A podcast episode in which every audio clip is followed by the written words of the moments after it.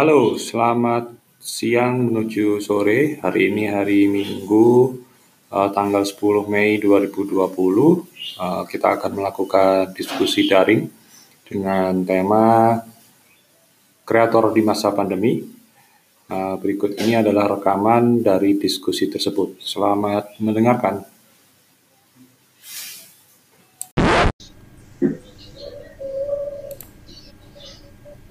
Oke, uh, kita langsung memulai aja ya, karena mungkin nanti personil yang lain mungkin baru muncul belakangan uh, ambil jalan. Uh, hari ini kita melakukan diskusi daring yang pertama ya di Dayani.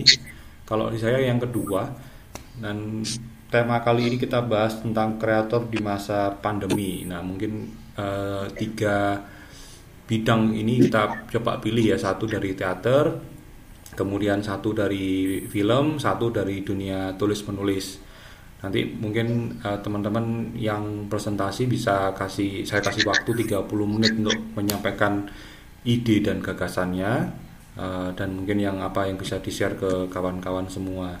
Dan di kesempatan yang pertama ini saya berikan kesempatan ke dunia apa ini dunia teater. Monggo Mbak Yuniar Swandayani Helm Resti Oke. Sudah ya mendengarkan ya? Monggo, monggo, monggo. Oh iya. Uh, uh, lebih ke sharing sih sebenarnya ya kan kemarin kan Mas Wisnu uh, sempat kontak kan untuk sharing tentang sebenarnya kalau misalnya teater sebelum dan setelah pandemi ini. Kalau uh, ngomongi teater kan kan pertunjukan yang secara langsung memang uh, begitu pertunjukan secara langsung berarti otomatis harus ada uh, halo Iya, monggo monggo Oh ya, harus ada harus ada yang disajikan, kemudian penontonnya. Nah, biasanya kan teater memang memang medianya tuh langsung ditonton sama orang-orang. Uh, orang datang menonton pertunjukan, membeli tiket, kemudian mendapatkan sajian. Nah, uh, begitu begitu masuk ke pandemi ini, begitu kena kena corona yang menyebalkan ini, berubah ini, otomatis kan kegiatan-kegiatan yang mengharuskan uh, orang untuk berkumpul, orang untuk berinteraksi secara langsung itu harus dibatasi kan. Jadinya uh, pertunjukan-pertunjukan yang sedianya direncanakan harus terpaksa dibatalkan. Karena memang mengikuti himbauan pemerintah dan supaya kita tidak saling berbagi virus. Uh, kemudian uh, apa yang rencana-rencana jadwal sebenarnya kan kalau misalkan kita di teater itu ada jadwal-jadwal yang sudah lama kan kita bikin. Karena pertunjukan teater itu persiapannya nggak bisa satu minggu dua minggu satu bulan dua bulan. Tapi biasanya kan minimal ada enam bulan itu yang harus yang harus digarap karena banyak aspek yang harus dikerjakan. Nah eh, jadinya sebenarnya yang harusnya dilaksanakan misalkan bulan ini bulan April berarti harusnya kan sudah dari tahun lalu direncanakan. Itu meleset semua. Semuanya ambiar eh, jadwal-jadwalnya ambiar semuanya harus diganti harus digeser. Pun itu tidak tahu eh, kapan bisa untuk dilaksanakan lagi. Karena ini penyakitnya nggak bisa diprediksi kapan. Kecuali kita tanya Bill Gates. Itu dia bisa menyelesaikannya kapan. Uh, apa karena tidak tahu karena ada untuk uh, jadwal-jadwalnya harus bergeser. Nah kan untuk sementara ini gesernya masih ke semester kedua sih di tahun ini. Tapi kalau misalkan memang pandeminya harus uh, uh, apa namanya masih terus berlanjut otomatis kan harus bergesernya ke tahun depan. Nah ketika ngomong uh, ide yang di tahun ini ke tahun depan kan harus ada persiapan dari awal harus memulai menggarap lagi idenya. Soalnya kalau misalkan kita ngomongi yang lagi hits yang kita persiapkan di tahun buat tahun ini ngomonginnya 2020 kalau misalkan memang tidak nggak apa ya nggak eh, nggak relevan lagi berarti kan kita harus mengganti lagi. Gitu. Kalau untuk yang di uh, apa ya efek-efek yang terjadi sebelum dan sesudahnya uh, pandemi ini. Kalau yang sebelum pandemi kan enak uh, aku mau bikin bikin tahun ini uh, di akhir 2000, 2019 misalkan saya mau bikin 2020 tiga pementasan satu tiap empat bulan. Nah itu kan tinggal menjadwalkan saja. Nanti e, tanggalnya menyesuaikan lah. Kalau yang kayak gini begitu begitu sudah mulai pandemi jadwalnya harus bergeser. Nah ini yang saya alami di gereja paling paling apa paling dekat ya. Gereja itu teater SMA Negeri Malang.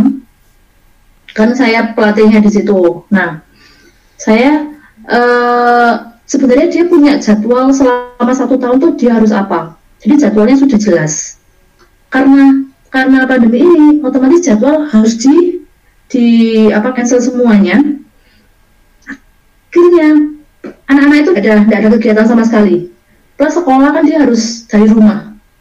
Nah, eh, banyak yang sudah komplain. Mereka itu sudah bosan di rumah karena sekolah harus sekolah harus dari rumah, kegiatan pun nggak ada karena biasanya selama satu tahun selama satu tahun tuh bisa penuh gitu loh kegiatan teaternya. Nah jadi itu sudah ada banyak yang komplain kalau ke saya. Apa yang apa ya yang harus dilakukan ya kalau misalkan kayak gini terus biar biar nggak biar nggak apa namanya bosan juga di rumah mereka juga ada kegiatan akhirnya kemarin itu secara spontan kita bikin kami bikin um, Eh, konten-konten uh, di media sosial. Jadi ide-ide yang ide-ide yang sebelumnya sebelumnya pinginnya ada di pinginnya kita bikin secara uh, pertunjukan langsung akhirnya harus digeser ke media sosial. Tapi kan kalau misalkan digeser ke media sosial kalau misalkan memang apa ya kalau kita pentas terus kita rekam kemudian kita upload itu kan jadinya kan adalah uh, apa ya dokumentasi kan cuman nah kalau yang ini kita akhirnya harus mikir kalau misalnya kita cuma dokumentasi begitu saja uh, apa ya orang-orang pasti rasa yang diterima akan berbeda dibandingkan pertunjukan secara langsung. Kalau kita datang pertunjukan sama lihat video kan pasti beda kecuali kalau kita nonton film ya medianya kan memang harus uh, apa datang ke bioskop ya kita menonton videonya nah karena itu akhirnya ide-idenya harus dimanfaatkan dibikin sedemikian rupa ke media baru. Nah kalau yang ini sekarang kita lagi kerjakan adalah di eh, apa kita bikin podcast sama IGTV. Nah karena memang karena memang tidak bisa ketemu secara langsung, akhirnya harus bikin muter-muter muter cara. Wah ada yang presentasi nih. akhirnya muter cara uh, gimana caranya supaya tetap ada di rumah masing-masing kumpul tidak mengharuskan mereka berkumpul dan tidak berbagi virus uh, nah itu kan agak susah kalau misalkan kita ngomong teater ke teater harus ketemu langsung. Kalau misalkan kita pembacaan puisi satu orang aja kan bisa sebenarnya. Tapi kalau teater kan e, kalau teater yang besar itu harus ketemu dengan orangnya langsung. Akhirnya ya sudah. Kalau pertunjukan langsung kita nggak bisa. Kita bikin mini uh, mini apa ya? Mini sitkom kayak gitu. Tapi menggunakan hanya menggunakan hanya menggunakan video menggunakan audio yang dikirimkan secara langsung. Nanti kita edit kemudian di, uh, diedit jadikan satu kemudian ditayangkan di IG di uh, YouTube di podcast dan yang lain-lain. Artinya mau nggak mau bergesernya harus ke media sosial memang. Um, tapi ya uh, gimana ya kalau misalkan di media sosial memang agak susah. Susah-susah gampang karena kalau misalnya di media sosial kita harus memenuhi kebutuhan uh, penikmat ini bisa bisa menangkap apa ya menangkap yang kita maksudkan. Terus kemudian memenuhi uh, sesuai nggak ya sama sama uh, apa ya style dia terus kepinginannya dari yang melihat. Karena kan kalau di medsos medsos kan waduh kita bisa kalah sama TikTok kita bisa kalah sama uh, siapa? Rimar Martin. Jadinya harus memikirkan gimana ya konten yang konten yang uh, bisa dinikmati sebagai media hiburan. Karena kalau kalau saya ngomongin yang ini uh, untuk yang Frida anak-anak SMA jadinya harus memenuhi karena uh, otomatis target penontonnya adalah anak SMA juga. Jadinya gimana? Caranya ini tetap bisa menjadi hiburan tapi mereka bisa nangkep uh, bahwa ini adalah salah satu bentuk pertunjukan juga. Bentuk pertunjukan kemudian penonton yang menerima itu juga ada sesuatu yang diambil. Gitu. Um, begitu. Itu kalau untuk yang untuk yang sesudah ini otomatis harus bergeser semua sih ke media sosial. Terus untuk yang di Dayani sendiri kan saya juga di di apa ya di tergabung di Dayani untuk yang di bidang pertunjukannya. Kalau yang uh, apa mahasiswa kan lebih ke yang literasinya. Saya ke pertunjukannya. Ini jadwal-jadwal ikut juga ikut juga bergeser. Tapi kan kalau misalkan di Dayani targetnya dia kan lebih lebih berbeda ya lebih apa ya uh, sek, uh, orang yang menonton itu uh, lebih tua-tua daripada anak SMA nah akhirnya kita harus meng, uh, menahan dulu untuk membuat pertunjukan-pertunjukan itu dan menggesernya nanti setelah pandemi berakhir. Dan atau nanti bagaimana uh, apa misalkan pandeminya sudah mereda sudah bisa untuk ketemu secara langsung jadi kita bisa bertatap muka secara langsung. Gitu. Agak-agak susah-susah gampang sih di di uh, seni pertunjukan gitu terus yang dirasakan juga adalah kalau misalnya kita bikin pertunjukan secara langsung kalau dari segi manajemen itu kan yang dicari juga adalah uh, apa dana ya dana untuk pertunjukannya ya. Jadi yang kita dapatkan tiket itu bisa untuk pertunjuk untuk pertunjukan yang sekarang bisa untuk dijadikan modal untuk yang pertunjukan berikutnya. Nah karena kita mengandalkannya hanya di media sosial otomatis kita nggak bisa meminta untuk tiket masuknya. Kita nggak ada nggak ada dana yang masuk otomatis uh, untuk yang pertunjukan pertunjukan berikutnya itu ya akan berdampaknya eh efeknya adalah uh, kita nggak ada modal untuk di tahun ini selama pandemi ini karena kita nggak ada pemasukan dari pertunjukan. Kemudian nanti untuk yang berikutnya nah kita harus memikirkan ulang lagi gimana cara untuk uh, mendapatkan modal itu sih itu itu kalau dari seni pertunjukan ini harus 30 menit ya Masih ada waktu kalau misalnya mau menyampaikan lagi monggo Mbak Junior Swandayani. Oh, kalau dari uh, saya ini sih masih masih apa ya mencari mencari uh, apa yang kira-kira bisa kita lakukan uh, untuk kita bikin pertunjukan, tapi tetap tetap memperhatikan kita itu nggak boleh kumpul-kumpul gitu loh. Uh, tapi kalau misalkan gimana tanya supaya bisa nggak seked, nggak sekedar kita uh, video sudah selesai terus jadi kayak dokumentasi aja jadi supaya kerasnya juga ke penonton itu uh, uh, lebih apa ya lebih ngefeknya lebih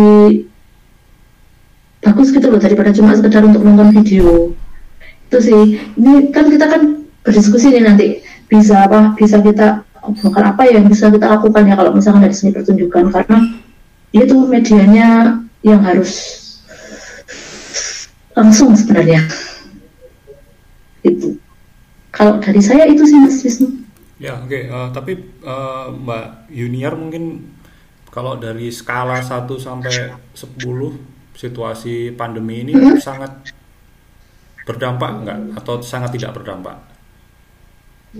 kalau saya sangat berdampak Jadi kalau dari, dari skala, sini, uh, Iya, sembilan lah, sembilan. Oh, sembilan. Satu kesempurnaan milik Allah ya. Wow. Jadi sembilan, jadi sembilan. Uh, gimana eh, apa ya efeknya itu lebih ke, ke dana dana sih dana yang kita dapatkan sih karena kita nggak nggak menutup apa ya nggak menutup eh, apa ya apa sih namanya? Kita kan kalau misalnya kita pertunjukan yang kita cari juga selain untuk penonton itu adalah dana jadi eh, otomatis pemasukan yang kita dapatkan selama yang harusnya satu tahun itu kita bisa dua tiga kali untuk pementasan. Nggak sama sekali. Jadinya tahun depan pun kan kita masih nggak tahu ini sudah berakhir atau belum. Otomatis nah yang kita sudah keluarkan sebelumnya entah kita beli untuk uh, prepare yang di tahun ini untuk bikin properti beli lampu beli segala macam. Itunya jadinya nggak ada nggak ada um, balik modalnya. Karena tidak bisa kita gunakan kemudian kita tidak bisa untuk mendapatkan dana dari penonton juga gitu. Oke. Okay. itu dulu ya mungkin. Nanti bisa dibahas yeah. lagi ketika sesi diskusinya uh, di kesempatan yang kedua. Uh, terima kasih Mbak Diniar Swandayani.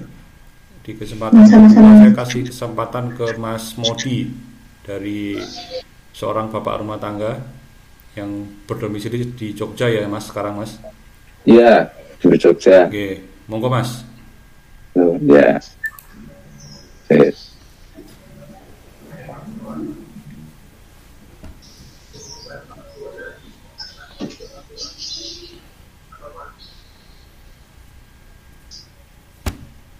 Sudah kelihatan? Kelihatan. Sudah. Sudah ya. Kelihatan, kelihatan, kelihatan. Ya ini cuma ya presentasi ya gitu gitulah. Karena kemarin tanya sama Wisnu menyiapkan presentasi atau enggak. Sebenarnya saya nggak menyiapkan presentasi, tapi setelah zuhur entah kenapa kok tergerak ingin buat presentasi. Ya seadanya aja. Jadi ini tentang dunia tulis menulis ya. Jadi beginilah. Sebenarnya saya juga bingung pertama apa yang harus di dibagikan kepada teman-teman terus melihat daftar hmm, daftar dari Mas Wisnu lebih baik ngomong ini ini aja ya saya coba ngomong ini aja. Ini mungkin kebiasaan saya sebelum pandemi ya cari ide. Kalau yang di Jogja atau pernah ke Jogja tinggal di Jogja mungkin tahu apa yang namanya ring road. Saya sering banget apa hampir tiap hari itu muter ring road tapi nggak ring road keseluruhan. Karena kalau ring road keseluruhan itu bisa hampir 2 sampai tiga jam. Cuma cari itu aja. Jadi nanti kalau misalkan uh, apa eh, tiba-tiba ketemu ide ya saya berhenti ketik di note habis itu jalan lagi. Misalkan berhenti pas di lampu merah keinget apa atau melihat melihat kan banyak ya. Di kalau di jalanan itu kan pasti ada sesuatu yang unik. Entah itu yang pengamennya kenapa, orang-orang minta kenapa, ada ribut antara cewek dan cowok gitu. Itu entah kenapa, oh ini ada sesuatu yang unik ya saya tulis saat itu juga. Itu yang pertama. Yang kedua, ini yang paling membuat saya tersiksa juga pergi ke pasar. Saya nggak tahu kenapa kalau misalnya di pasar itu uh, ide itu kok bisa ngalir itu loh. Saya juga sampai sekarang ya bertanya sama diri saya sendiri. Tapi bagi saya di pasar itu orang-orang itu selalu jujur mengemukakan perasaannya. Misal kalau lagi belanja, tiba-tiba ada orang nyela, ternyata si penjualnya bilang, oh nggak dulu, nggak dulu, nggak dulu gitu. Nah, saya tanya penjualnya, kenapa ibu? Biasa mas, rentenir. Oh, tapi ada yang lain misalkan, oh ini lemas, apa beli mau beli harga bawang bombay aja sekarang sudah dua puluh ribu gitu oh saya baru tahu ternyata ada harga bawang bombay sudah turun yang sebelumnya dari 150 ribu. Banyak cerita di pasar itu ya tentang keluhan-keluhannya tentang cerita bahagianya juga ada. Misal apa ada orang yang uh, pokoknya dibayar mak di or penjualnya itu dibayar hanya dua nominal. Kalau nggak 50 ribu 100 ribu. Itu oh ada ya penjual yang kayak gini gitu. Nah, yang ketiga adalah bertemu teman atau ngopi. Wah, ini jelas. Sungguh-sungguh tersiksa. Saya nggak bisa ngopi sama teman-teman itu. Wah, ambiar pokoknya. Karena dari situ itu ketemu ide. Ya, walaupun beberapa kali ngopi online itu, tapi ada feelsnya yang berbeda. Jadi, ketemu teman di dunia nyata sama di dunia maya itu pasti apa ya beda jauh lah obrolannya itu nggak loss sesuatu, sesuatu apa yang ingin dibicarakan nggak loss gitu. Terus nah karena pandemi nggak bisa keluar ini udah berapa bulan? Bulan Maret? April oh, dua bulan lebih ya. Yang akhirnya saya mencoba cari itu gimana ya caranya ya gitu ya. Ya coba berjemur. Kan katanya ada anjuran suruh berjemur kan dari jam 9 walaupun ada perdebatan ya yang benar yang mana di bawah jam 8 atau di atas jam 8 yaitu saya gunakan semaksimal mungkin untuk berjemur. Terus yang kedua baca apa aja. Ini nggak melulu soal buku ya apa aja. Saya kadang bahkan uh, baca itu resep obat itu ya saya baca. Terus apa ya cara penggunaan stroller itu saya baca. Pokoknya apa aja dibaca. Karena kadang saya menemukan kata-kata oh saya belum pernah ketemu kata ini di oh ada ya kata ini. Oh ini kata ini bisa digunakan buat kalimat ini ya. Oh kata ini buat apa istilah kedokteran ya. Oh kata ini buat eh, anak-anak uh, teknik mesin ya gitu. Jadi nggak harus melulu di buku bahkan di media sosial pun ya ketemu kata-kata yang aneh gitu. Dan yang terakhir ini yang saya suka ternyata ya alhamdulillah ada kegunaannya juga buat ronda karena di perkampungan saya ini ronda baru ada saat pandemi sebelum pandemi nggak ada ronda.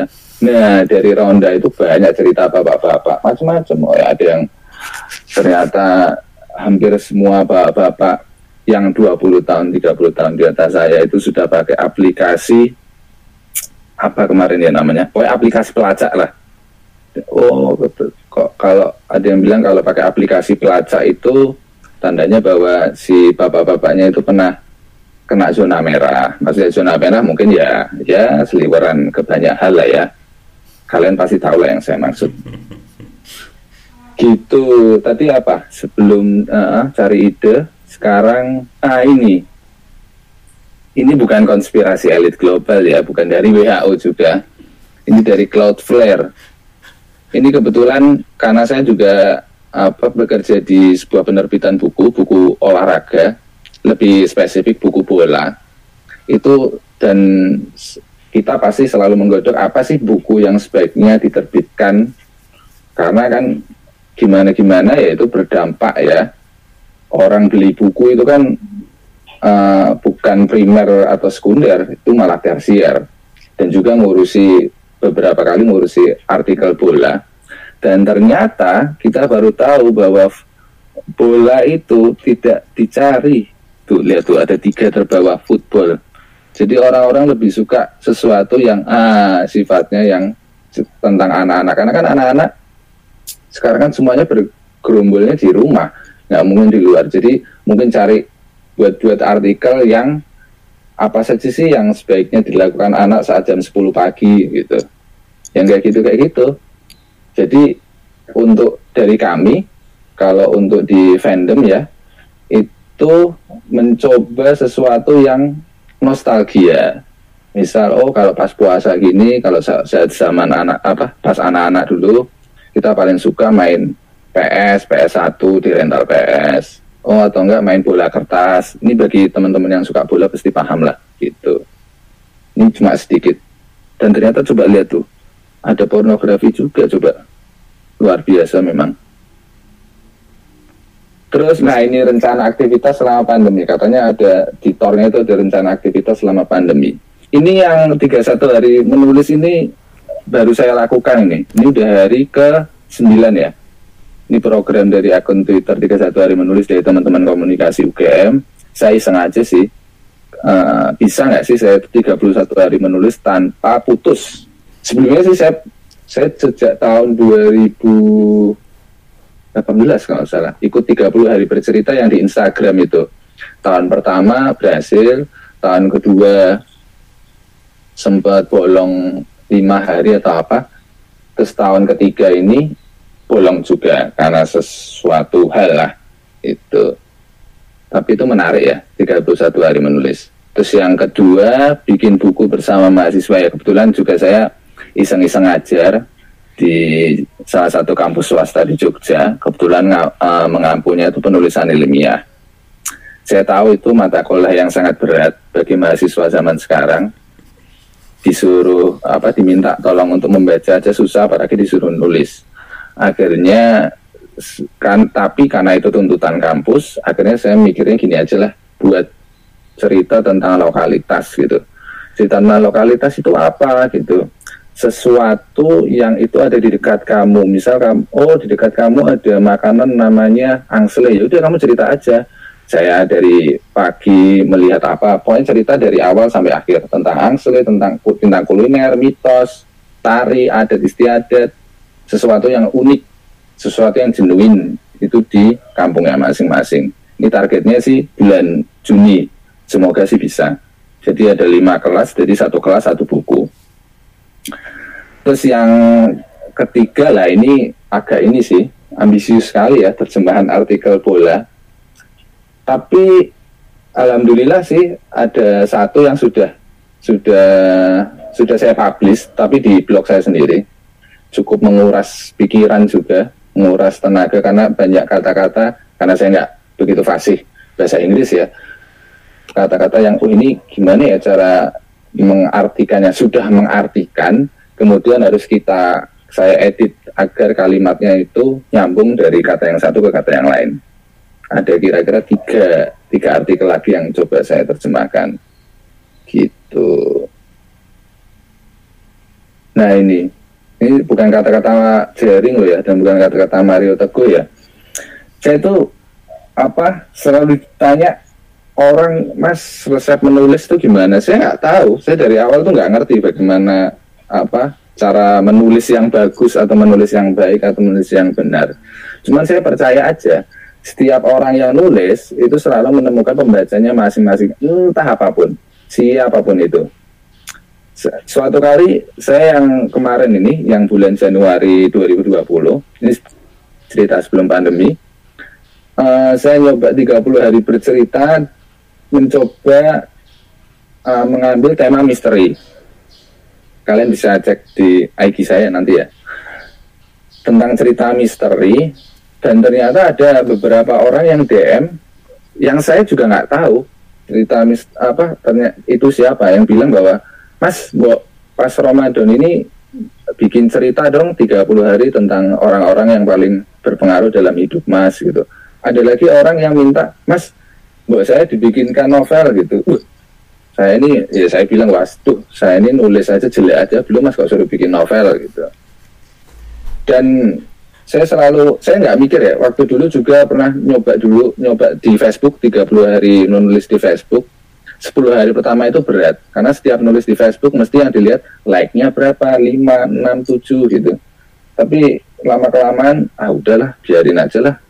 Yang penting saya nulis perkara bagus atau buruk itulah urusan nanti Makanya kalau setiap apa pun itu, berkarya apa pun itu, terutama menulis juga ya, penting disimpan di platform, mau di blog, blogspot, mau di WordPress, Medium, Tumblr, kan sekarang banyak ya media.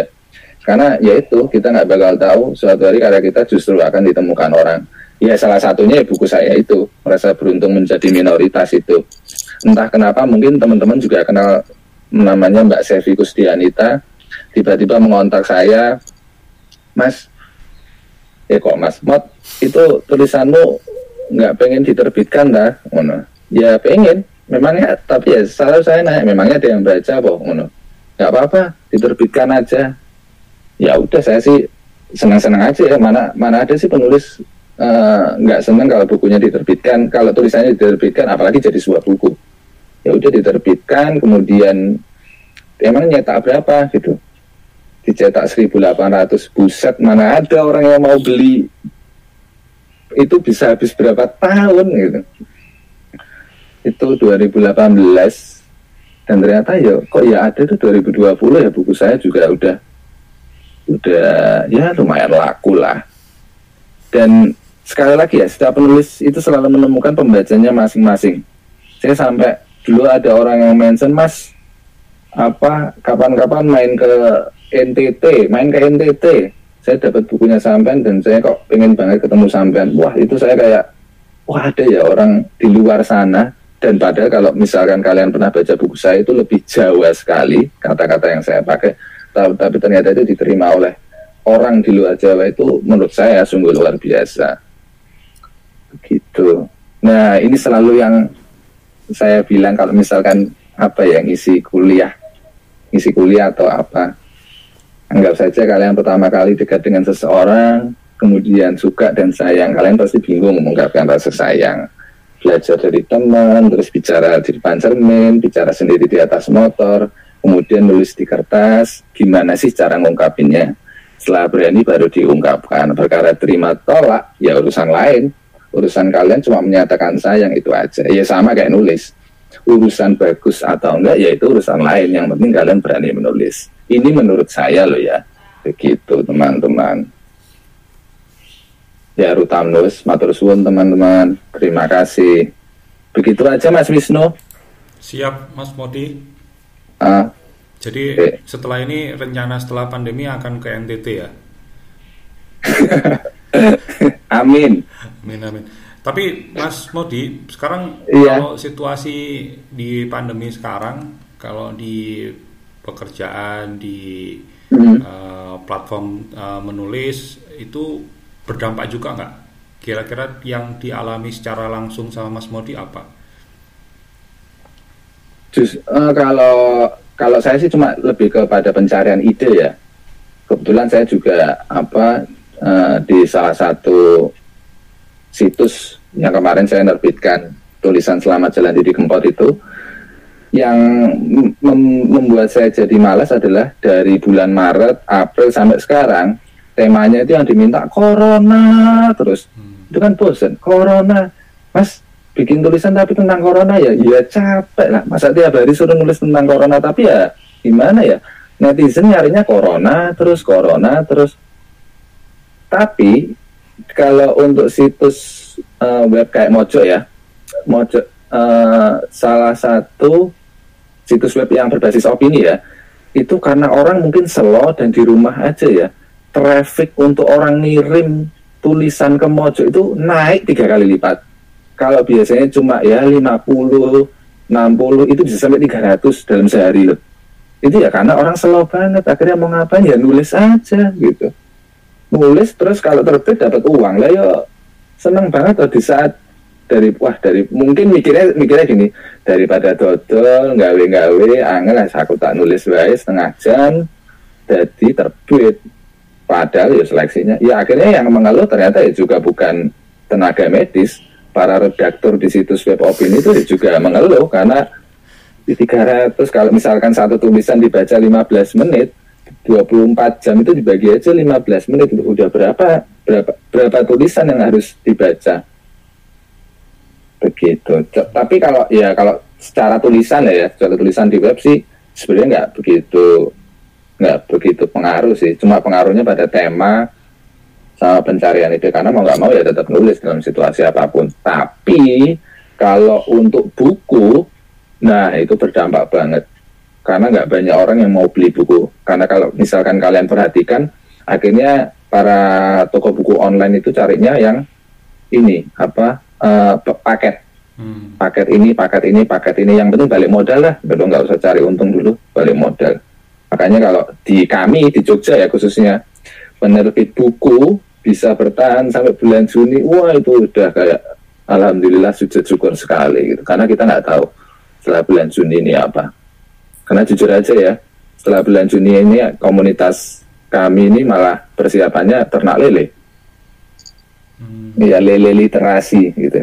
Jadi habis itu sambil berternak ini serius sambil berternak baca puisi puisinya bebas di depan tambak lelenya berharap uh, lelenya mungkin bisa seperti Gunawan Muhammad atau seperti siapa gitu. Nggak tahu ya, memang orang-orang di komunitas Mojo itu memang rada antik memang cara berpikirnya ya itu mungkin antara antik atau saking stresnya sih menurut saya Awakmu ya bisa mod.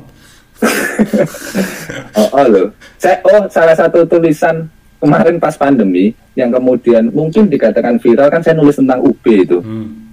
nulis tentang UB, nulis tentang Brawijaya. Ah, kok tiga hari kemudian itu kan trending tau UB, Ya. UB jahat atau Brawijaya, UB ya. apa itu lah.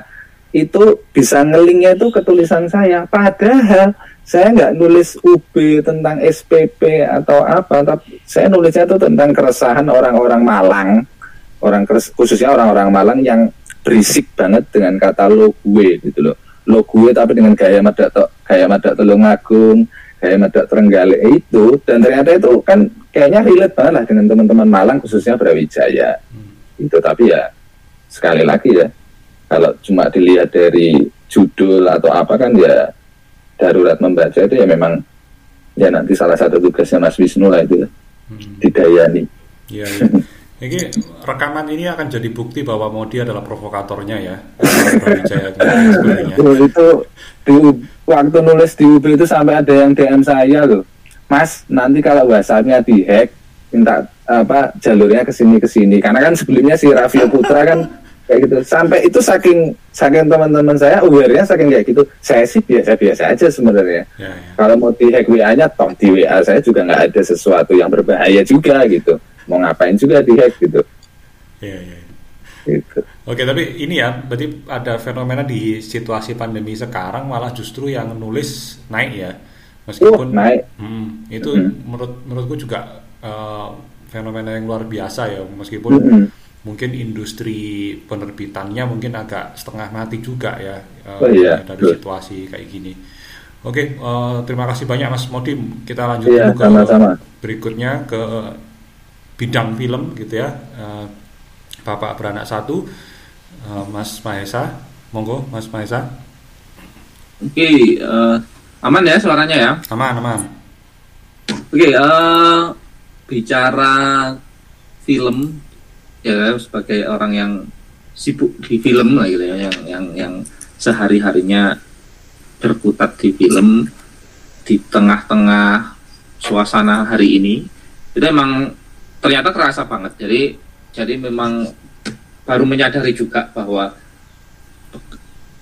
ya, pekerjaanku atau bisa dibilang apa ya kegiatanku ini itu memang sebuah kegiatan yang kolektif gitu. Jadi memang filmmaking itu adalah kegiatan yang kolektif terutama dalam proses produksinya yang itu tidak memungkinkan atau sangat sangat ya sangat pada umumnya itu sangat uh, jarang sebuah produksi film itu melibatkan orang pasti melibatkan di atas 10 lah ya itu pasti jadi akan selalu ada ada orang yang berkumpul gitu.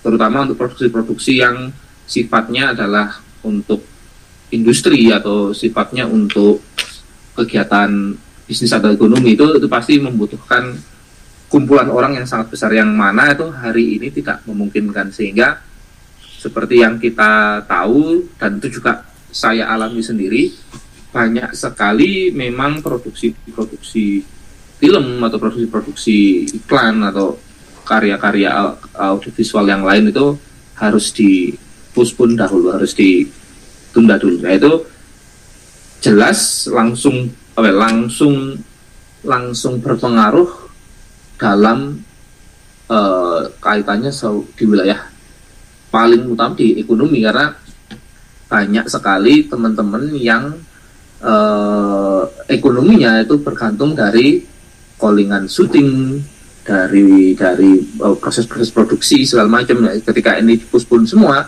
nah itu langsung kerasa banget saya sendiri harusnya di bulan April ini uh, akan ada empat episode serial dari sebuah sebuah apa namanya uh, perusahaan busana gitu yang untuk mengisi bulan Ramadan ini akan mengeluarkan empat episode web series yang itu uh, saya tulis dan saya rencananya akan disutradarai.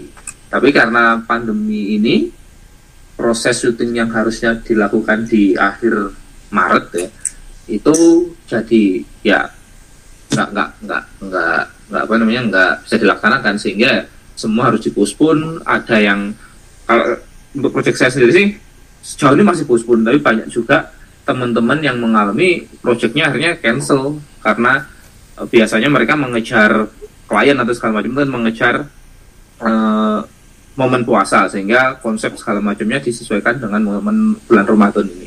Dan ketika ini nggak bisa, akhirnya konsep diubah segala macam juga itu kan membatalkan banyak hal. Jadi memang sangat sangat apa ya sangat terasa.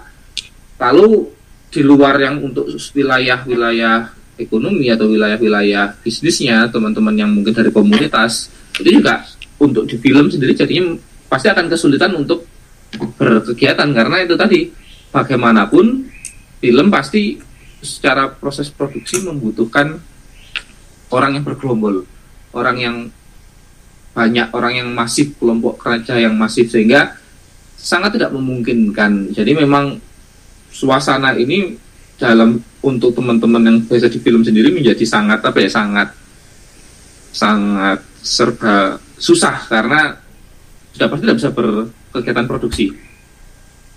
Kalau dilihat dari para senior yang uh, pelaku film senior yang hari ini uh, juga berhenti, yang bisa mereka lakukan adalah yang membuat kegiatan-kegiatan talk show, kegiatan-kegiatan diskusi semacam ini. Tapi memang akhirnya praktis untuk kegiatan memproduksi filmnya itu tidak bisa berjalan. Jadi kalau kita bicara film dengan berbagai macam aspeknya yang bisa berjalan hari ini ya film dalam konteks ruang pendidikan ya.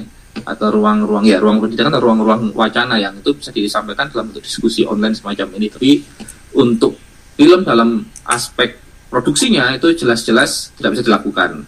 Karena tidak memungkinkan untuk itu. Sehingga yang bisa dilakukan ya mungkin hari ini banyak banyak para pelaku itu akhirnya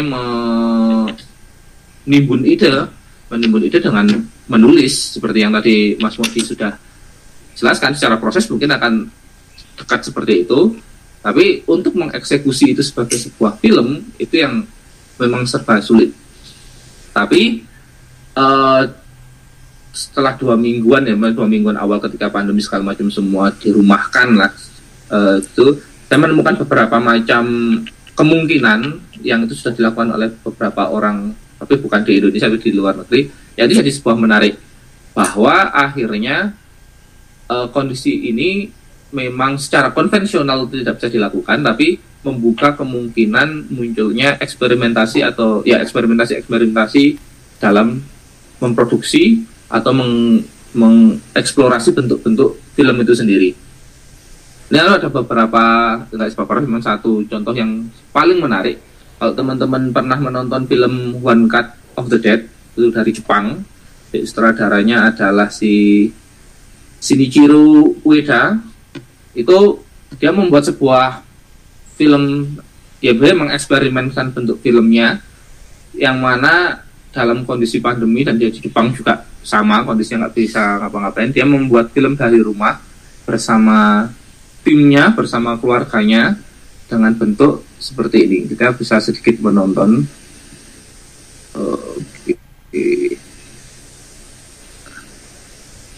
oke jadi hal yang menarik karena mungkin nanti bisa kita sedikit bahas akan seperti apa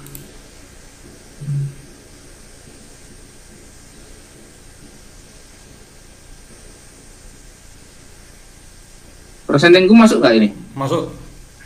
Masuk es, masuk es. Ya, di YouTube ya ini kan ya? Iya, iya. Nah, ini adalah sedikit aku berikan ini filmnya dia membuat film pendek durasinya 27 menit. Uh, tapi bentuknya sangat eksperimental. Ini nggak ada subtitlenya sih tapi mungkin itu tujuannya sehingga semua orang yang menonton pun ya bisa ketawa-ketawa sendiri aja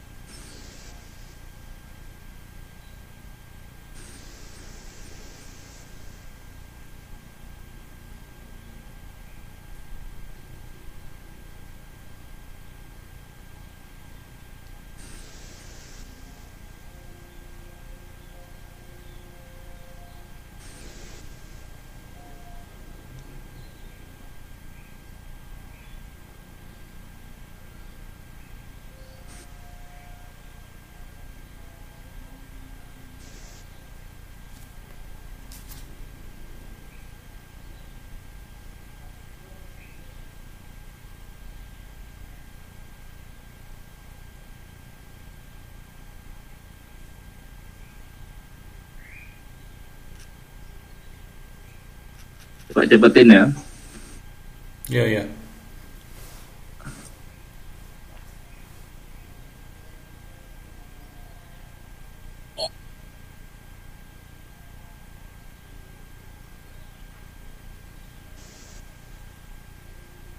Nah, semuanya sih seperti ini bentuknya. Jadi, kita akan lihat sepanjang film,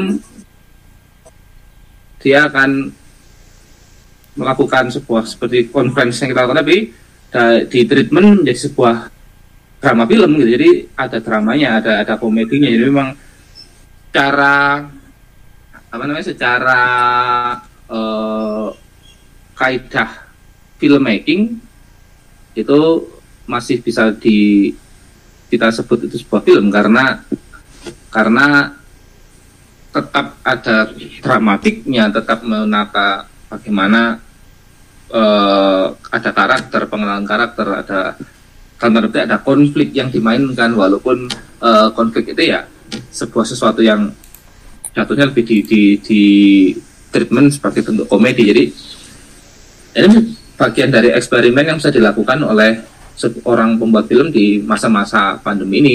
Walaupun memang karena ini bentuknya eksperimen dan karena ini adalah eh, bentuk-bentuk film yang bukan populer, maka memang membutuhkan strategi untuk misalnya ketika ini di di apa ditransformasikan menjadi sebuah uh, karya atau bentuk untuk bisnis atau untuk ekonomi.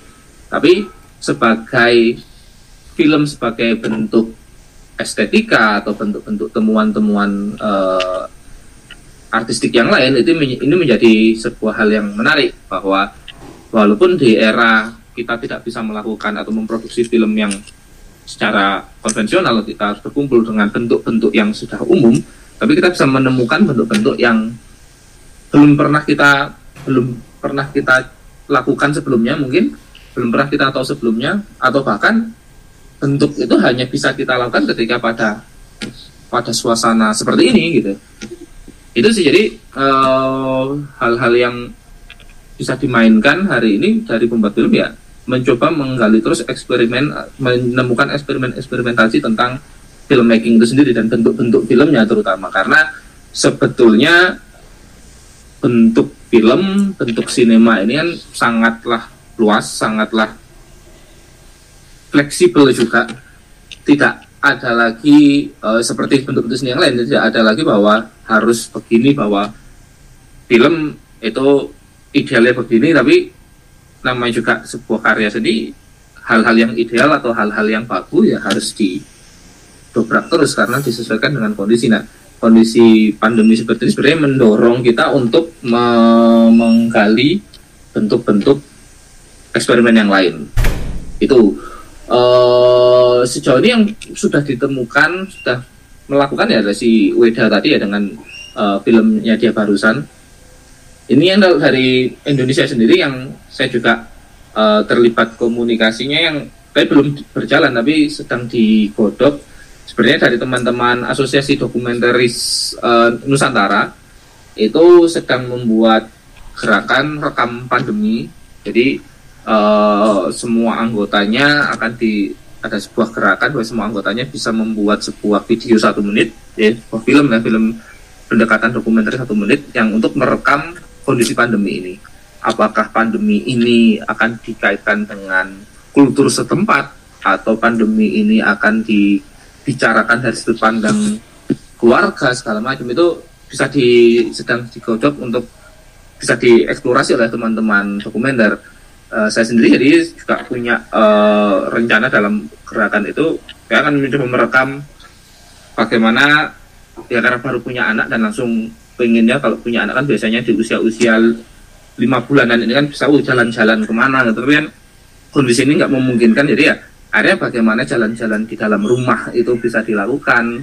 Yang harusnya naik stroller itu di jalan-jalan kampung atau mana gitu. Tapi ya akhirnya naik strollernya cuma di halaman rumah atau di dalam rumah kan itu bentuk-bentuk itu yang akhirnya coba untuk di, di apa ya kita eksplorasi lagi. Jadi uh, teman-teman di Asosiasi Dokumentaris Nusantara sedang menggodok untuk memulai gerakan itu rekam pandemi ini. Tapi bahwa ya memang kuncinya untuk pembuatan film atau ya memproduksi film di masa ini memang akhirnya harus dipaksa kita dipaksa untuk menemukan atau mengeksplorasi bentuk-bentuk baru itu sih keywordnya ada di situ karena kalau kita bicara bentuk konvensional atau bentuk umumnya sudah pasti tidak mungkin. Dan entah ini sampai kapan kan kan uh, kalau kita bicara konteks film dengan pandemi hari ini kan yang jadi gonjang ganjing ini kan adalah bisnis bioskop ya. Bahkan bioskop sebesar grup sebesar EMC di Amerika aja dah mau bilang mereka akan pilot gitu karena hanya dalam tempo beberapa minggu ketika semua ditutup mereka sudah gonjang ganjing.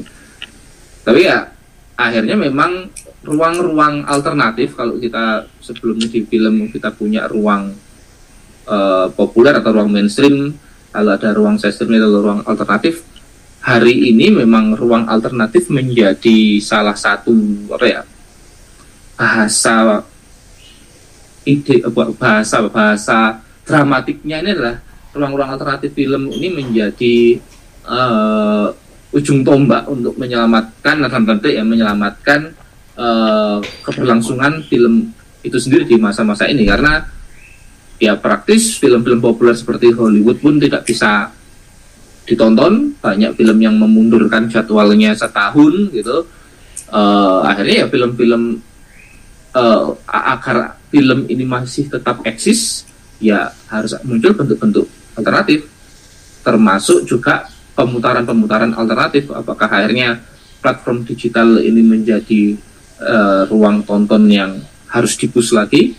Ya mungkin jadi bahwa nonton YouTube menonton di ruang-ruang digital yang lain itu juga menjadi menjadi salah satu opsi gitu.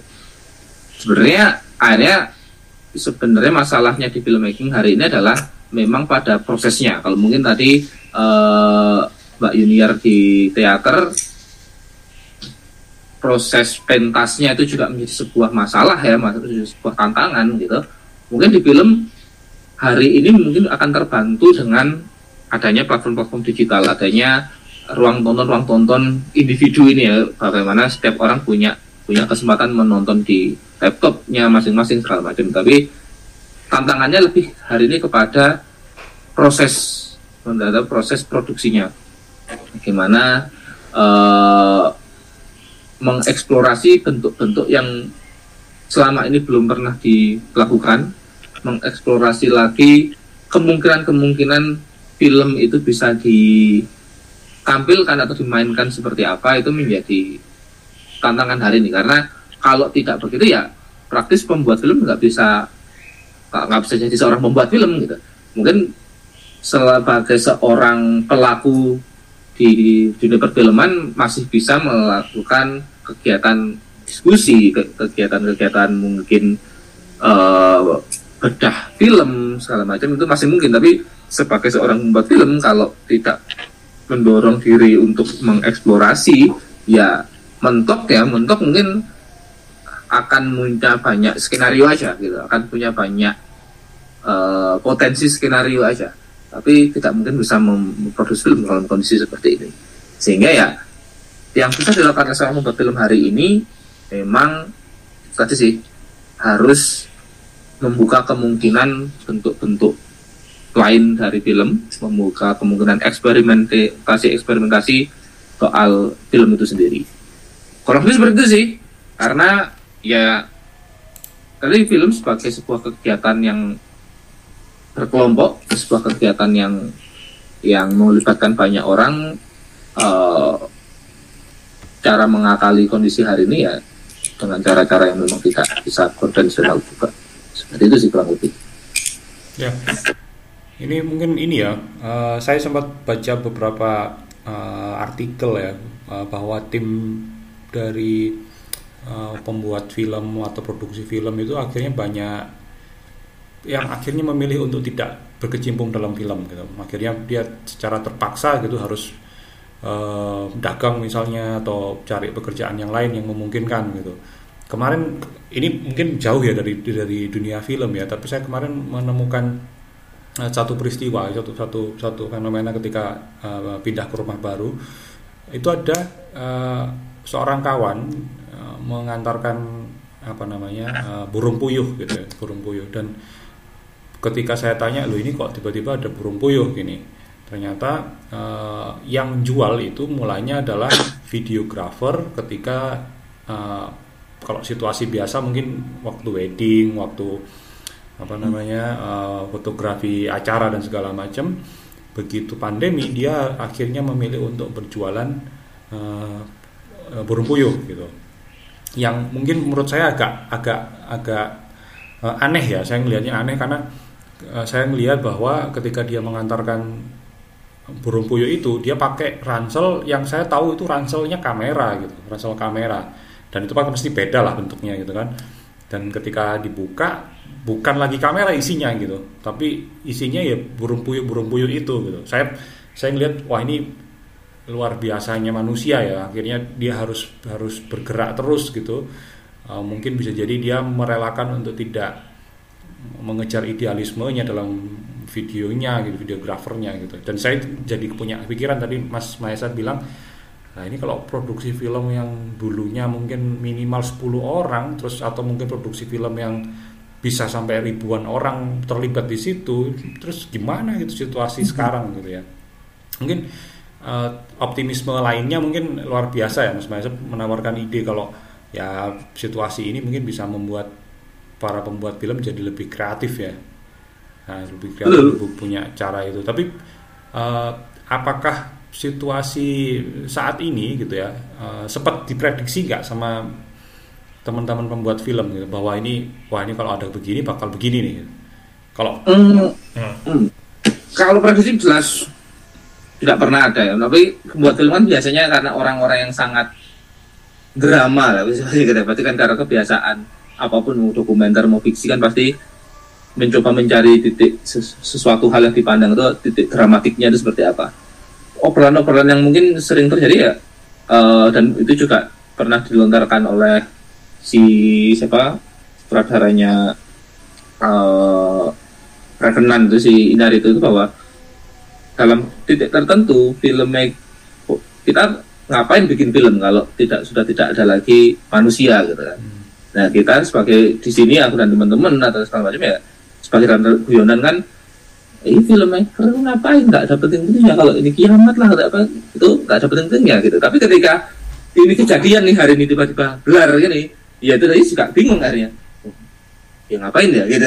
Jadi terus harus gimana ya? Padahal kan selama kan kita selalu uh, sudah punya pegangan bahwa ya hidup dengan film atau berkegiatan dengan film. Tapi ketika hari ini ya itu yang menjadi akhirnya ketemu istilah bahwa ya ini adalah ujian hidup sebenarnya itu ketemu di sini gitu. Kalau saya merasakan bahwa ujiannya adalah nah bisa nggak atau bener nggak kita dengan film itu masih bisa survive satu ada atau kalaupun bukan survive secara ekonomi kamu dalam kondisi seperti ini masih punya apa ya punya punya menemukan atau bisa menemukan sesuatu enggak yang terkait dengan filmmakingmu terkait dengan sense membuat film atau sense filmmu itu uh, bisa menemukan itu nggak? Itu menjadi ujian tersendiri bahwa ya ini menjadi sesuatu hal yang baru kita sadari juga bahwa selama ini kita memang terlalu terbiasa dengan pakem produksi yang seperti itu dalam kondisi yang ini semua harus berhenti ya harus dicari cari cara yang lain gitu untungnya kalau saya pribadi dan juga mungkin teman-teman yang ada di Malang ya maksudnya teman-teman yang saya bisa di Malang uh, bukan komunitas film kampusnya tapi teman-teman yang sudah memang uh, profesional di bidang film mungkin karena kami kami terbiasa uh, dulunya berproses dengan film ini kita sebut film gerilya gitu ya dengan sedikit orang dengan kondisi seadanya dengan segala macam serba ter ter terkepepet gitu ya. Jadi itu itu me, mendorong insting survival kita di film cukup lumayan lah dalam kondisi seperti ini. Kita masih punya kemungkinan untuk mencari tadi dari menemukan bentuk-bentuk oh kita bisa mengeksplor seperti ini ya. Kita muncul ide bahwa ada gerakan dan teman dokumenter tadi. Kita mencoba rekam pandemi dengan cara apa pun cukup durasi satu menit. Kan hal yang muncul karena kita terlatih sebelumnya di zaman komunitas di zaman-zaman uh, era digital ini belum terlalu masif. Karena cara alat kita terbatas, cara uh, izin kita harus kejar-kejaran sama yang punya lokasi, kita uh, kejar-kejaran sama waktu segala macam itu sedikit banyak sebenarnya men, me, me, menyelamatkan ya menyelamatkan menyelamatkan uh, bagaimana sense kita untuk atau insting kita untuk bertahan di era ini dalam konteks film sehingga kita masih tidak apa ya tidak tidak terlalu shock tidak terlalu kebingungan seperti apa tapi di masa seperti ini akhirnya kita mencari penyesuaian mencari atau mengeksplorasi lagi hal-hal yang masih sangat mungkin untuk kita capai. Yang untungnya juga ini terjadi di era yang kita terbantu sebenarnya secara uh, equipment digital, kamera segala macam itu bahkan dengan kamera handphone pun sebenarnya kita sudah sangat mungkin untuk merekam. Kata tadi dari filmnya si Ueda tadi, ya dengan kamera uh, laptop, kamera komputer ini kita sudah bisa merekam sesuatu yang kalau kita bisa me, sudah menguasai struktur, menguasai teorinya lah sebetulnya kita bisa menata itu mengeksplorasi itu menjadi bentuk-bentuk yang yang lain gitu. jadi itu sih akhirnya memang uh, memang tadi kalau dari ceritanya Mas Wisnu banyak banyak atau ada yang yang cerita seperti yang agak ya mungkin bisa dibilang mungkin miris atau seperti apa tapi ya memang banyak juga teman-teman yang akhirnya lebih sekarang sibuk untuk paling nggak secara untuk bertahan beberapa bulan ke depan itu harus berdagang atau di luar itu. Karena memang tadi kalau ini film sebagai ruang ekonomi atau ruang bisnisnya hari ini sampai bulan ke depan atau sampai uh, apa yang disebut SBB atau segala macam lockdown ini belum itu dicabut ya nggak mungkin bisa berjalan gitu. Uh, banyak klien atau perusahaan memproduksi iklannya hari ini pun dengan cara yang sangat sangat sederhana dari sebelumnya dan itu pun melibatkan mungkin para pekerja in-house-nya bukan lagi production house di luar uh, perusahaan atau eh, di luar perusahaannya atau uh, agensi di luarnya. Jadi itu sih yang yang yang jadi masalah ketika teman-teman yang paling nggak setiap harinya sebelumnya ini terkait atau dalam tanda petik uh, bersandar bersandar pada pada kegiatan produksi audiovisual atau produksi film iklan dan segala macam ketika kondisi seperti ini ini memang jadi jadi apa ya, jadi tantangan yang sangat berat makanya salah satu yang bisa ditawarkan adalah mencoba untuk mengeksplorasi bentuk-bentuk baru walaupun mungkin itu memang secara ekonomi tidak serta merta bisa langsung me, mem, membantu atau memberikan solusi bagi permasalahan ekonominya itu. Cuma paling tidak sense atau kemungkinan-kemungkinan sumbangsih yang bisa dilakukan dari film ya itu bisa bisa muncul di kondisi seperti ini. Seperti itu sih. Ya mungkin ini ya eh, ruang-ruang eksplorasi baru itu yang mungkin jadi semula belum terpikirkan menjadi harus dipikirkan gitu. Eh, tadi misalnya Mbak Helm juga bilang ya mencoba membuka di podcast gitu ya podcast terus kemudian uh, IGTV gitu untuk menjadi salah satu mediumnya gitu jadi uh, ada banyak penyesuaian yang mungkin kadang kita dipaksa ya bukan lagi menyesuaikan tapi dipaksa deh sepertinya dipaksa kita harus bergeser ke situasi yang mungkin sebagian orang menganggapnya itu nyaman ya, tapi sebagian lain mungkin bisa menganggapnya itu nggak menyenangkan gitu. Nah tapi hmm. Jadi mungkin Mas Modi saya pengen tahu gitu kalau kalau dari dunia tulis penulis gini uh, medium baru itu selain sekarang platform digital itu memang yang paling digetolkan utama gitu ya. Uh, terpikir nggak inspirasi atau ide lain gitu atau medium lain uh, kalau biar tulis penulis ini jadi tetap survive? Sampai saat ini kita masih menemukan eh, masih cari cara terus ya mas ya tapi ada salah saat karena sekarang berkutat di dunia sepak bola ini ada salah satu cara unik saya nggak tahu bisa di, diterapkan oleh teman-teman teater atau teman-teman film. Jadi di Borussia Dortmund itu di Jerman karena sepak bola itu tidak bisa lagi bergulir jadi bagi orang-orang yang kangen ke stadion dia bisa membayar atau Jerman itu Jerman itu apa ya? Euro ya? Ya, euro, 19, euro. Nah, 19 euro dan memilih di salah satu tribun atau kursi yang dia inginkan. Nanti fotonya ditampilkan di sana. Hmm. Jadi cara mengeruk keuangan, eh mengeruk kok bahasanya mengeruk ya. Cara mengambil keuntungannya itu ya melalui kayak gitu. Oh, oh mungkin ya mungkin bayangan saya juga wah ini mungkin juga bisa diterapkan di film ya ketika orang-orang males apa tidak bisa aku pengen banget nih ke XX1 tapi nggak bisa ya udahlah saya tak bayar uh, katakanlah dua puluh ribu ya harganya setengah. Tapi foto saya ada di di dalam bioskopnya itu ditaruh di sana. Dan ternyata itu diuji coba di Borussia Dortmund itu laku keras sold out. Nah, kemudian saya men, apa kami wah ini bisa ditonton nih.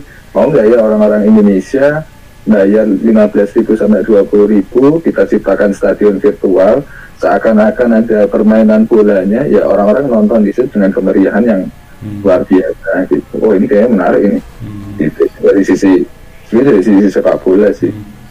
Kalau dari dunia tulis menulis uh, beberapa kali ngobrol sama teman-teman itu hampir semuanya ya, hampir semuanya, khususnya di Jogja ya, itu nggak tahu lagi, bingung. Makanya sampai saking imajinasinya itu ya itu, ya udahlah kita ternak lele, kita bikin aja lele literasi. Nanti kalau kita udah ternak lele, terus ternak mujair, mujair literasi. Nah, literasinya dari mana? Ya kita undang orang-orang yang suka baca puisi, suka baca cerpen dia bikin sesuatu dari situ terus dia utarakan nanti setiap orang yang menonton kasih hmm. berapa lah sumbangan seikhlasnya gitu jadi sama-sama ya ini kalau kami sih Juni itu masih bertahan itu sudah cukup baik. Setelah Juni kita nggak tahu. Berarti akan seperti ini apa ya, ya punya batasan bulan ya bulan Juni ini jadi penentuan hmm, ya. bulan Juni bulan Juni. Bahkan itu ada salah satu penerbit. Seharusnya buku buku itu rata-rata ya dijual 60 ribu 70 ribu ya. Saking ah yang penting balik modal dijualnya 7 ribu. 7 ribu itu kan bagi bagi terutama bagi teman-teman komunitas kok jual harga buku kok segitu banget gitu. Ya alasannya mereka ya aku butuh ya aku harus menghidupkan para pekerja yang di sini. Kalau nggak gitu ya nanti gimana caranya gitu. Ya tapi sampai nggak dapat untung nggak apa-apa. Yang penting teman-teman bisa menikmati lebaran dulu yang penting aman. Ya udah. Jadi tesnya itu cuma cuma sampai bulan Juni. Bulan Juni itu setelah itu bagaimana kita masih belum punya rencana apa punya rencana yang paling terdekat yaitu ternak lele. Ini serius lele literasi. Tapi tapi itu lele literasi itu mungkin kayaknya perlu didokumentasikan dengan baik deh. Sepertinya akan jadi inspirasi itu. iya.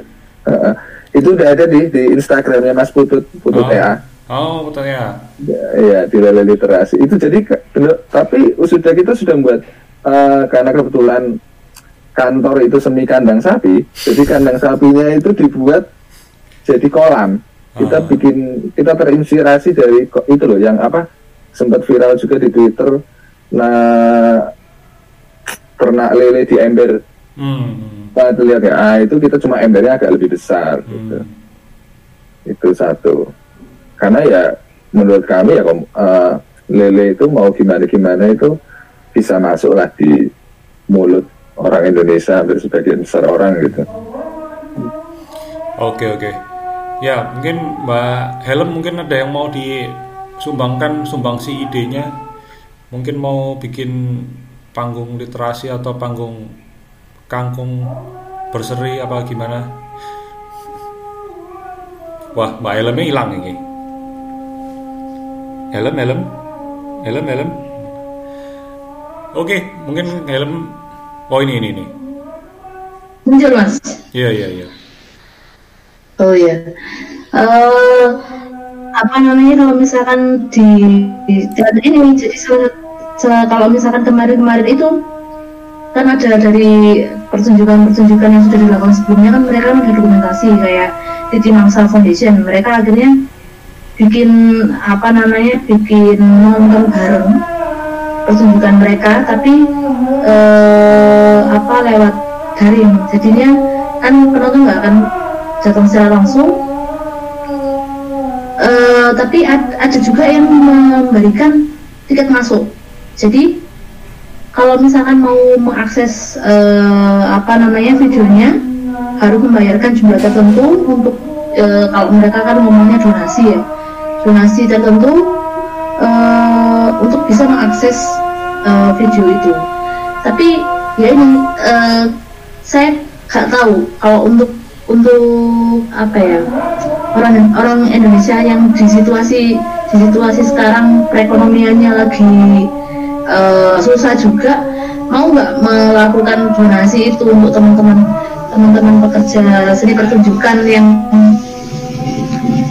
mau buka donasi supaya bisa mengakses video pertunjukannya? Itu sih nggak tahu nggak tahu eh, karena kalau kalau yang saya tangkap dari eh, salah satu pertunjukan yang membuat zonasi semacam itu itu juga nggak terlalu banyak juga sih nggak nge- ngefeknya nggak terlalu banyak. Kalau dari segi ekonominya tapi kalau dari pertunjukannya ya punya media untuk ditonton. Halo? Iya iya. Tapi ide ide donasi itu sempat muncul sih, saya sempat lihat juga eh, kalau nggak salah Pak Peppermoon, Peppermoon juga melakukan hal yang sama di Jogja gitu. Dia ada sistem donasi dan bahkan dia mau membuat video khusus untuk penontonnya membayar sekian rupiah dan kemudian akan dikirimkan secara privat gitu. Nah, itu itu salah satu ide menarik sih bisa jadi opsi kalau misalnya uh, mau mencoba hal yang baru gitu ya uh, ruang-ruang baru dengan masih memikirkan segi ekonomi gitu. Tapi nggak tahu apakah masih bisa dilakukan atau enggak. iya. Ya mungkin uh, teman-teman yang lain ini ada tiga orang nih. Mungkin ada yang mau memberikan komentar pendapat? Mas Wahyu kayaknya dari Lamongan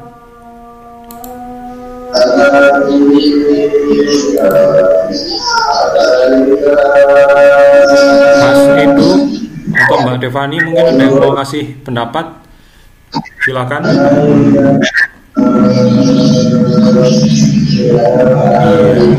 Iya, sepertinya pada pecat mas.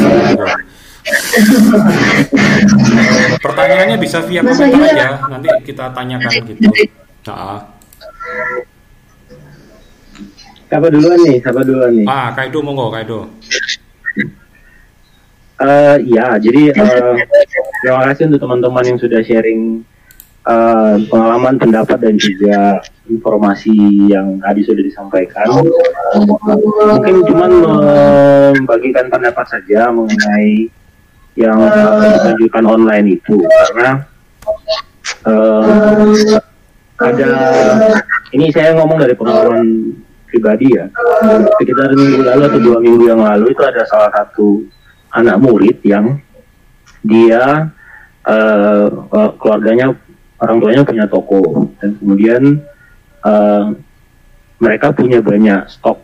Jadi toko kayak toko kelontong gitu. Terus kemudian eh, karena banyak orang yang pelanggan pelanggannya tuh luar Malang. Jadi kayak dari ya pokoknya luar Malang lah. Pokoknya daerah eh, Bulawang dan sekitarnya kemudian supaya lebih gampang ternyata mere- eh, entah dari mana atau dari siapa idenya tapi keluarga mereka memutuskan untuk bikin kayak paketan atau apa gitu.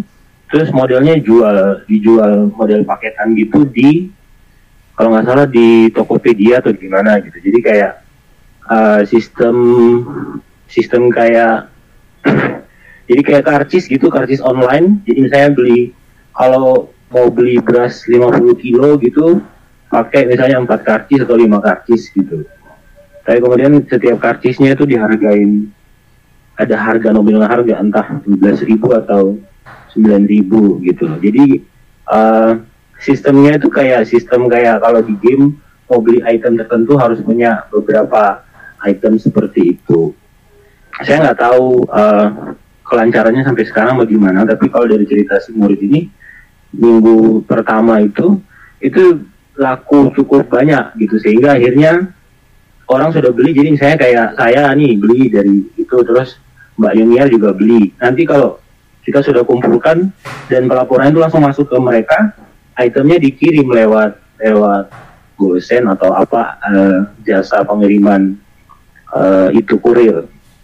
Jadi terjadi perpindahan barang, kemudian terjadi perpindahan uang juga dan sebagainya. Nah, tadi juga waktu waktu Mas Mudi tadi cerita tentang yang di stadion itu terpikir juga ke situ. Maksudnya apakah pertunjukan kayak tadi keresahannya Mbak Helen juga bahwa tiketnya kurang gitu kan atau misalnya tidak ada pemasukan secara tiket. Kalau misalnya kita menjualnya secara online ini intinya sama sih kayak Mas Mudi bilang tadi. Uh, kita bisa menjual sebuah pertunjukan secara online atau juga kita bisa menjualnya uh, dengan dengan dengan sistem seperti itu. Apakah memungkinkan misalnya sudah ada? Jadi kita tidak jadi ini ini pemikiran saya bahwa kita nggak menampilkannya secara online. Tetapi kita menyimpannya dalam bentuk rekaman entah di flashdisk atau di mana dan kita buat promo promo di Instagram, Instastory dan sebagainya. Ini ada kayak gini nanti karya kita itu yang sudah kita rekam entah dalam bentuk flashdisk atau media lainnya kalau misalnya mereka mau menontonnya dikirim gitu. Jadi istilahnya kita rekam dan kemudian siapa yang mau beli atau kita tawarkan para penonton ini ini akhirnya mendapatkannya dengan beli kemudian kita kirimkan filenya ke mereka mereka bisa menontonnya atau kita bisa men-text misalnya uh, buka di link ini dan sebagainya seperti itu. Ada pemikiran seperti sih, mungkin bisa jadi itu dulu. Thank you. Siap, terima kasih Kak Edo. Uh, inputnya mungkin bisa jadi inspirasi buat para pegiat. Uh, mungkin sekaligus ini jadi penutup ya uh, dengan segala macam pertimbangan yang teman-teman hadapi gitu ya. Saya pengen tahu satu patah dua patah kata terakhir gitu ya untuk menutup diskusi ini dari masing-masing pegiat di film, di teater, di uh, dunia tulis menulis, mungkin apa langkah ke depan yang bisa jadi diwujudkan, direncanakan uh, dan semoga pandemi juga berakhir gitu ya. Mungkin saya persilahkan ke Mbak Helm dulu menyampaikan pendapatnya yang terakhir untuk menutup sesi ini gitu.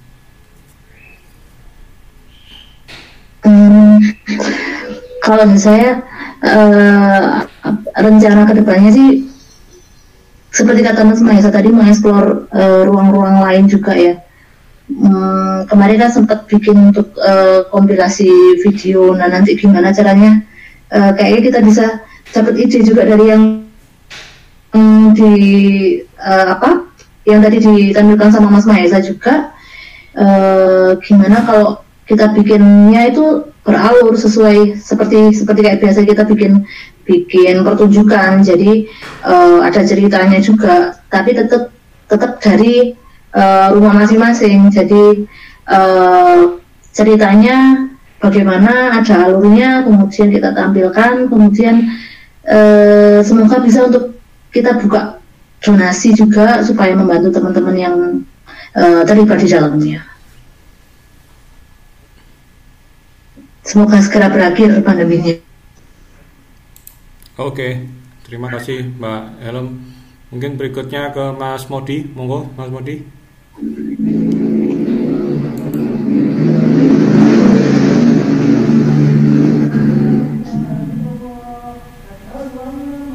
Ya, apa ya? Aduh memang susah memang ini. Yang pertama jangan berharap kepada negara.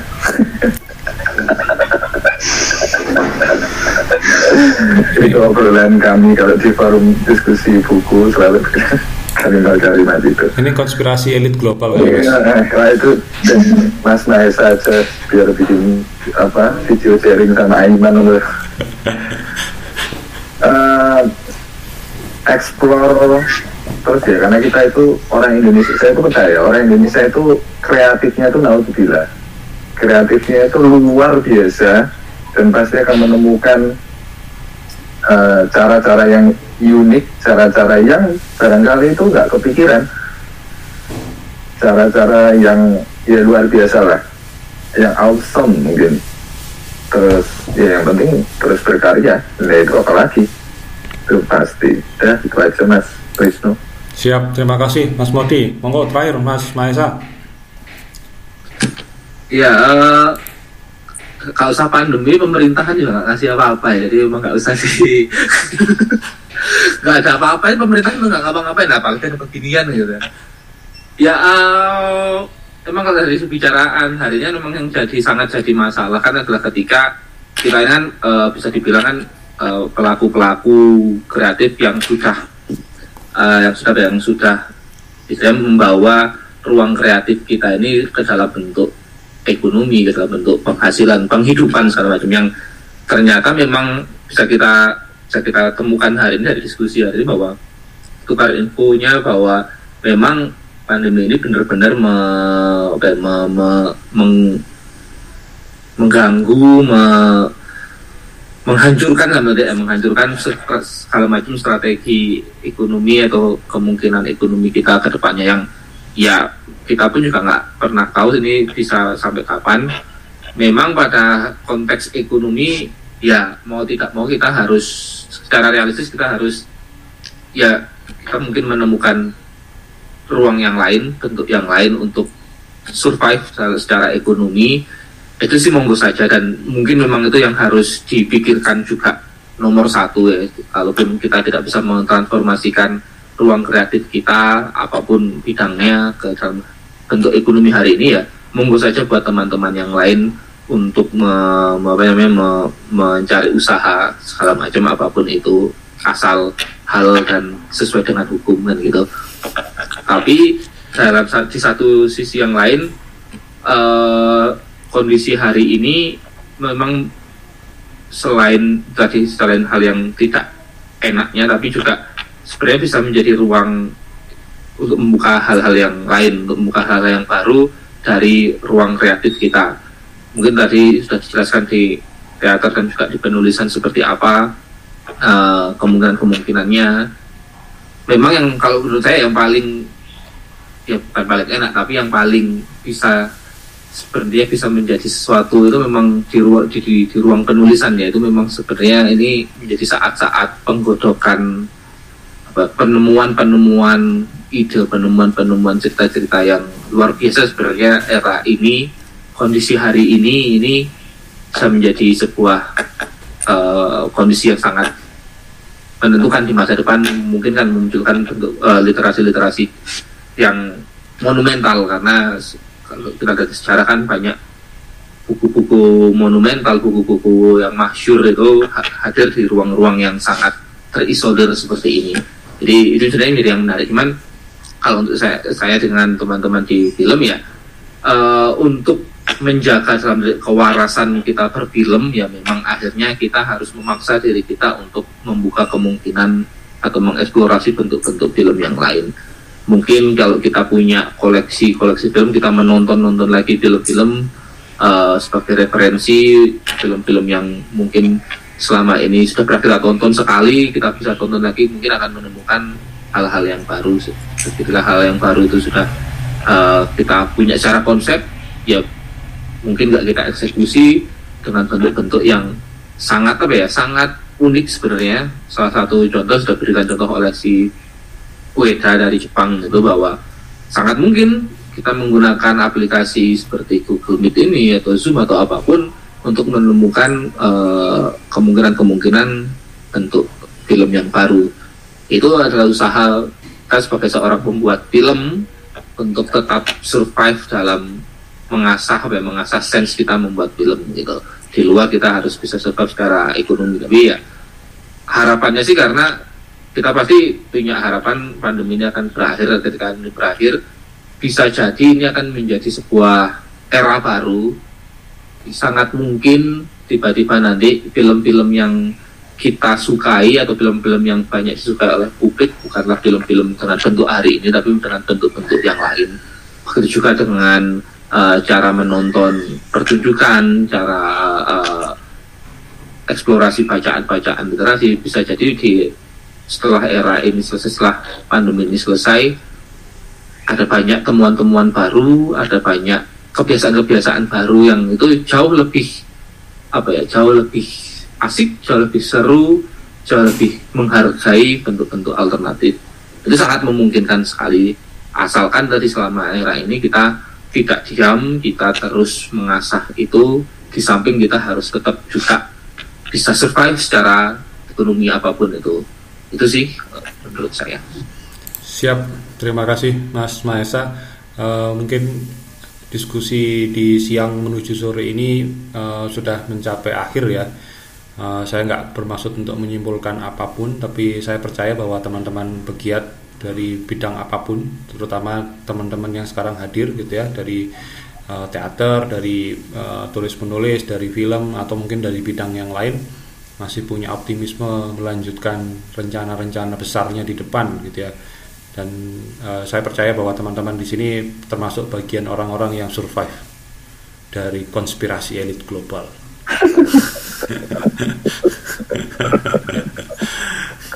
Oke, okay, mungkin itu saja. Uh, saya terima kasih banyak ke semua teman-teman yang sudah hadir, teman-teman pemateri juga. Uh, mohon izin uh, setelah ini mungkin kita akan upload uh, dokumentasinya di podcast dan di YouTube Uh, semoga bisa menjadi inspirasi juga buat teman-teman yang lain. Ya. Gitu.